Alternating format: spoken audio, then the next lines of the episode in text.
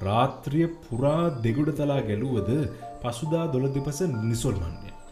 නමුත් අපූරු නැවුම් බවකින් පරිසරය පිරී තිබේ.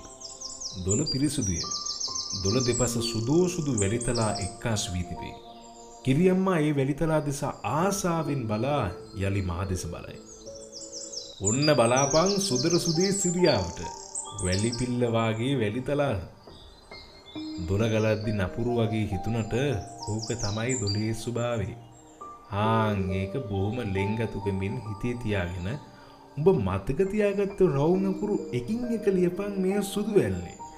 මම නගරදි බලාගත් හැඩැති රවුන් අකුරු එකින් එක අලුත් වැල්ලේ ලියනට පටන්ගත්තවී.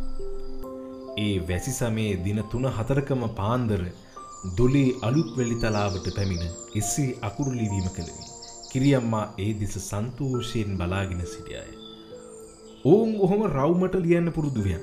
එතකොට ඉස්කෝලෙ මහත්තුරුවාය උඹට අරියාදු කොරන එකක් නැහැ. අලගොබ කඩ අවසන් වූ කිරියම්මා දොළ කණ්ඩියට නැංගාය. අපි ගේ දෙසට එන්නට වී.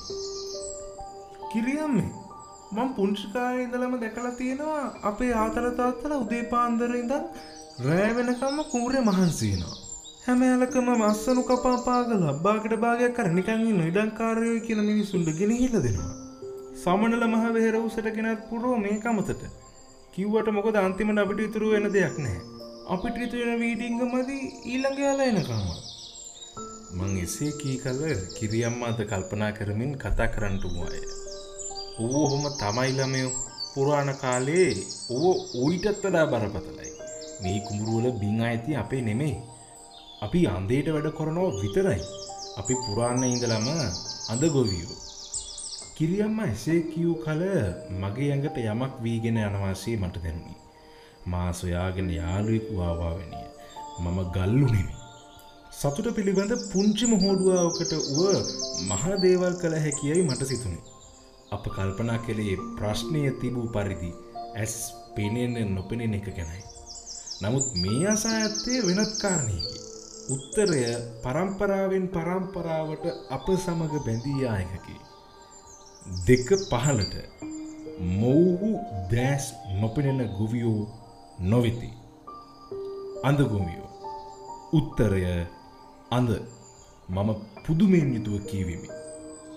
මං කිව්ව නැද්ද පුරස්නය අහලා තියෙන්නේ අපි මුලාවෙන විදිහට කියලා කිරියම්ම කටපුරා සිනාසෙමින් කිව්වාය. කිරියම්මගේ සිනහව මේ වෙලාවේත් මට මැවී පිනේ. අවට සුනගින් පිරි පසුබිමකි. ගස්වැල් පසුවන්නේ මහත් සන්තෝෂයකින් වාගේය. දැන් අප ගමන් කළ බසය කොයි හරියේදැයි දැනගැනීම සඳහා අපට පසුවන කඩසාපූල නාමපූරු බලන්නට වීමි. පරිච්ඡේදය දෙක අවසන්. පරිච්ඡේදය අංක තුන සමඟ හමුවම.